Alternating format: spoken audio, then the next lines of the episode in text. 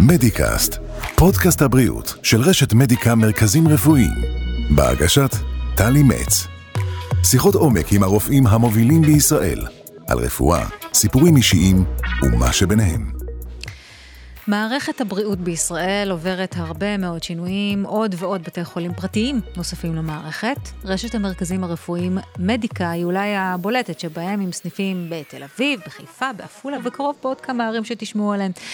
למה זה טוב למערכת הבריאות ואיך זה בעצם משפיע על כולנו. הזמנו לכאן את מנכ"ל הרשת, מדיקה, פינו צרויה, מי שמלווה את מערכת הבריאות למעלה מ-17 שנה, לשעבר מנכ"ל אסותא, ובעברו גם ניהל חברת קנאביס.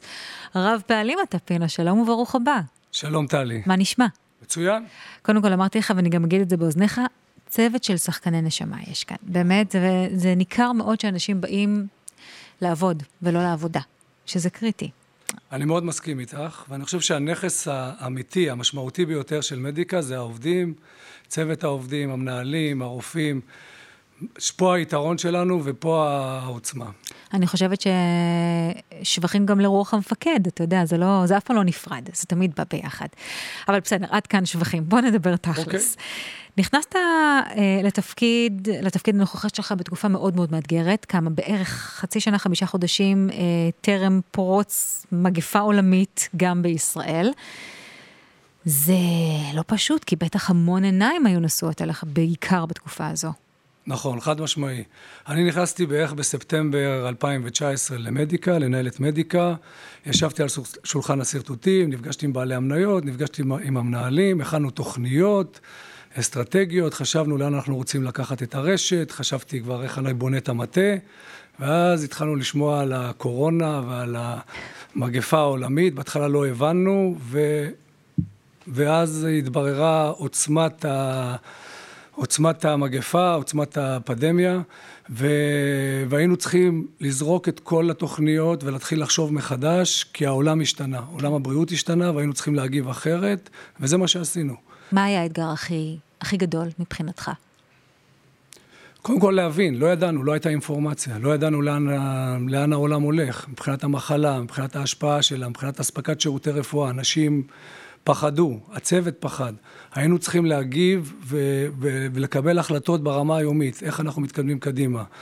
אבל לי היה ברור, כ- כמנהל של רשת בתי חולים, שאנחנו חייבים להמשיך ולספק את השירותים הרפואיים כל הזמן, לא לעצור ולהיות שם בשביל המטופלים ובשביל הרופאים. ומי שירצה לקבל שירות רפואי בעת הזאת, אנחנו נהיה שם בשבילו. זה לא היה פשוט, זה עלה לנו הרבה כסף, אבל התעקשנו להשאיר את כל המרכזים שלנו פתוחים ולספק שירותים רפואיים, ואני מאוד גאה בזה, אני מאוד גאה גם בצוות וגם במנהלים, שלאורך כל תקופת הקורונה לא סגרנו אפילו יום אחד, ולא עצרנו את הפעילות הרפואית. לא היו כאלה שהתקוממו? מה אתם עושים לנו? אנחנו בחזית. בחזית, אנחנו קו ראשון, אנחנו, רחמו עלינו? כי שמענו הרבה קולות כאלה, לא מאצלכם, אבל שמענו הרבה קולות כאלה בשיא מגפת הקורונה. אז זה לא מאפיין צוות רפואי וזה לא מאפיין את uh, העובדים במדיקה, שכמו שאמרנו, הם שחקני נשמה, והם באים כדי לספק שירות, והפוך, מי שנתן גב, מי שאפשר לי לקבל, להקל עליי בהחלטות הלא פשוטות האלה, זה היה דו, דווקא צוות העובדים שאמרו, אנחנו נהיה שם ואנחנו נגיע לעבודה, ואני יכול להגיד שבמקרים מסוימים הם אפילו עקפו מחסומים כדי להגיע לעבודה ולספק שירותים רפואיים. או-אה, רציני. אתה יודע, אם אנחנו כבר מדברים באמת על עניין הקורונה, ההשלכות שלה, ההשפעות שלה, אז באמת אה, כל זעקה שנשמע loud and clear, מה שנקרא, בתקופת הקורונה, זה המצב של מערכת הבריאות. או זה, זה, זה נאמר ב, בעיקר מכיוון החשש לקריסת בתי החולים הציבוריים או הצוותים הרפואיים, אבל זה באמת היה נושא שמדובר פתאום עד כמה מערכת הבריאות הישראלית הציבורית יכולה לספק מענה לחולים בישראל. נכון מאוד, אני מאוד מסכים. אני חושב שאחד מה, מהדגשים במהלך הקורונה היה כמה מערכת הבריאות היא חשובה. כן. היא לא זניחה ויש לה ערך משמעותי ביכולת של מדינה, ביכולת של התושבים להמשיך לתפקד ולתת מענה נכון לכלל האוכלוסייה.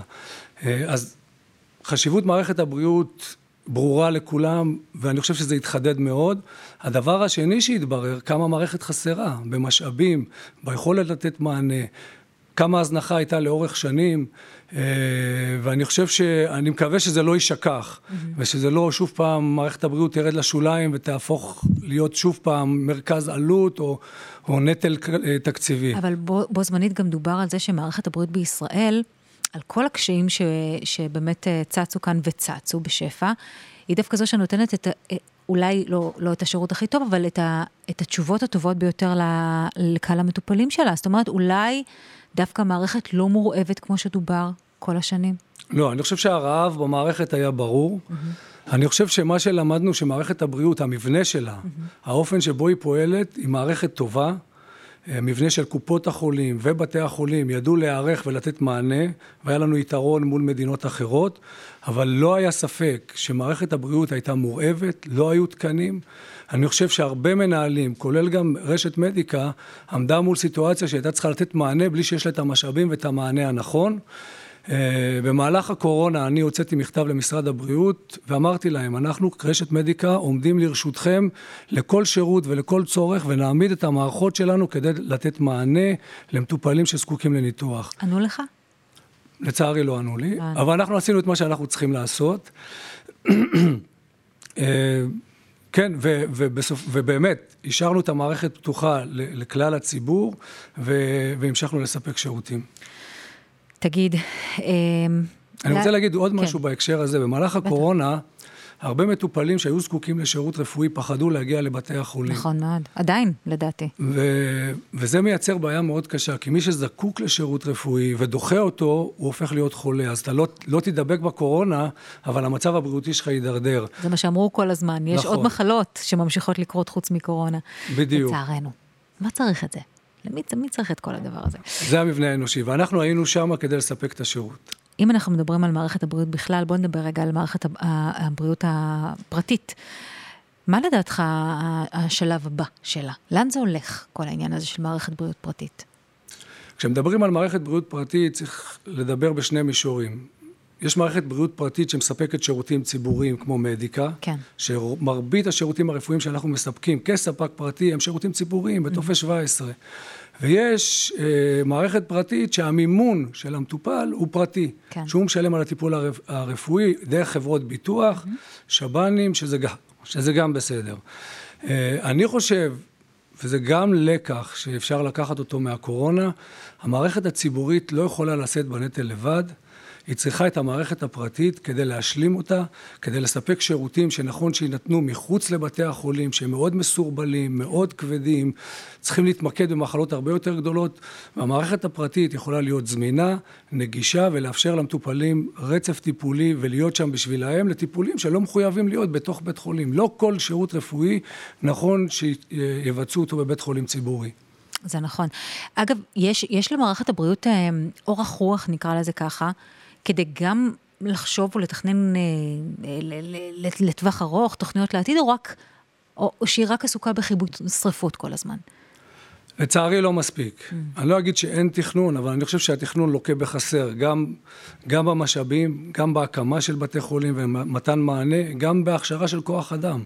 אי אפשר לספק שירותי רפואה אם אין לך כוח אדם, אם אין רופאים, נכון. אם אין אחיות. אנחנו נמצאים במצוקה משמעותית מאוד. וזה מייצר הרבה מאוד קשיים, ולצערי אין מספיק תכנון כדי להתמודד עם הצרכים שכל הזמן מתקדמים. וצריך להבין, הרפואה מתקדמת. אנחנו יכולים לטפל היום בהרבה מאוד מחלות שקודם לא ידענו איך לטפל, יש הרבה פתרונות, וצריך להיערך ולאפשר לציבור להגיע לשירותים הרפואיים ולקבל אותם, ואני חושב שפה המערכת הפרטית, כספק פרטי, עם יכולת להוציא לפועל תוכניות במהירות, יכולה לתת מענה נכון. טוב, אתה, מה שנקרא, שועל ותיק, ניהלת כבר בתי חולים בעבר, אתה כבר מכיר את המערכת, מכיר את ההתנהלות. מה מבחינתך האתגר הגדול ביותר שכרגע עומד בפניך? כמנכ"ל רשת מדיקה, אני חושב שהאתגר הכי גדול שלנו, המשמעותי ביותר, זה להרחיב את השירותים הרפואיים, גם במה שאנחנו נותנים היום, דרך המרכזים הרפואיים הקיימים. אנחנו מתכוונים להקים בית חולים בבאר שבע ולהביא את הסטנדרטים של מדיקה לבאר שבע ולאוכלוסייה שם. כשאני אומר עוד פעם, זה לא רפואה פרטית, זה רפואה, אנחנו ספק פרטי של שירותים רפואיים בטפסי 17. זה שינוי קונספציה שאנשים צריכים להפנים, כי אני לא בטוחה שהוא לגמרי הופנם עד הסוף. עדיין, למרות כל השינויים המרהיבים שנעשו כאן. יש הרבה פופוליזם בעולם כן. הבריאות, יש הרבה מלל שהוא... שלצערי משתמשים בו כדי לנגח את המערכת הפרטית. אנחנו לא מתחרים במערכת הפרטית, אנחנו משלימים אותה. Mm-hmm. ו- והאתגר שלנו זה להרחיב את השירותים. מה שאנחנו רוצים לעשות זה לספק שירותים רפואיים. אז אנחנו נרחיב את המרכזים הרפואיים. אנחנו הולכים להיכנס לתחום הפתולוגיה, להקים מעבדה מאוד מתקדמת בתחום הפתולוגיה, וגם להרחיב את השירותים לתחום אשפוזי בית, מחלקה פנימית בבית. שזה הדבר הגדול הבא בינינו. נכון? את זה כולם אומרים, אבל צריך לדעת איך לעשות את זה, ואנחנו יושבים עכשיו על שולחן השרטוטים ומתכננים את זה. אני חושב שהגיע הזמן להתחיל לחשוב אחרת. כל התפיסה של בתי חולים עם קירות ואנשים מגיעים אליהם והם נמצאים בעומס היא בעייתית מאוד וצריך לחשוב אחרת. איך אני מוציא את השירות הרפואי החוצה מבתי החולים, איך אני מאפשר למטופל לקבל את השירות הרפואי במקום, בסביבה שנוחה לו ובזמן שנוח לו ולהשתמש בטכנולוגיה. היום הטכנולוגיה מאפשרת להשתמש בטכנולוגיה כדי לעשות את זה. ואנחנו שם, אנחנו הולכים לשם, גם בתחום של מחלקה פנימית, בית חולים פנימי שהמטופלים ישכבו בבית, פתוגולוגיה דיגיטלית שתאפשר לנו להשתמש ברופאים ובידע בכל מקום שהם, ולהרחיב את השירותים הכירורגיים בתוך המרכזים הקיימים, גם הרחבת השירותים, גם טכנולוגיות חדשות, ולהביא את הקדמה לציבור ולאוכלוסייה, ולאפשר להם להגיע ל-cutting edge של הרפואה. פשוטו כמשמעו. זה עוד משהו, אגב, שהקורונה מאוד מאוד חידדה את הצורך הזה במתן אלטרנטיבה. אה, אשפוזית, טיפולית, אה, וזה באמת דבר אה, גדול. תגיד, אני רוצה לשאול אותך ככה לקלוז'ר, איך, איך אתה אישית הגעת למערכת הבריאות? תן השראה לאנשים נוספים, לשחקני נשמה נוספים שרוצים להצטרף למערכת. אני אגיד שאני הגעתי למערכת הבריאות במקרה. לא כל כך הבנתי לאן אני מגיע, הייתי בחברת הייטק, מאוד מפנקת, היה לי תפקיד מאוד טוב, אבל לא היה לי את האתגר ולא הרגשתי שאני מממש, מממש את עצמי. ואז קיבלתי הצעה לעבור ולנהל uh, את אסותא כסמנכ"ל כספים בהתחלה ולאחר מכן כמנכ"ל, והגעתי לשוק הבריאות והתאהבתי.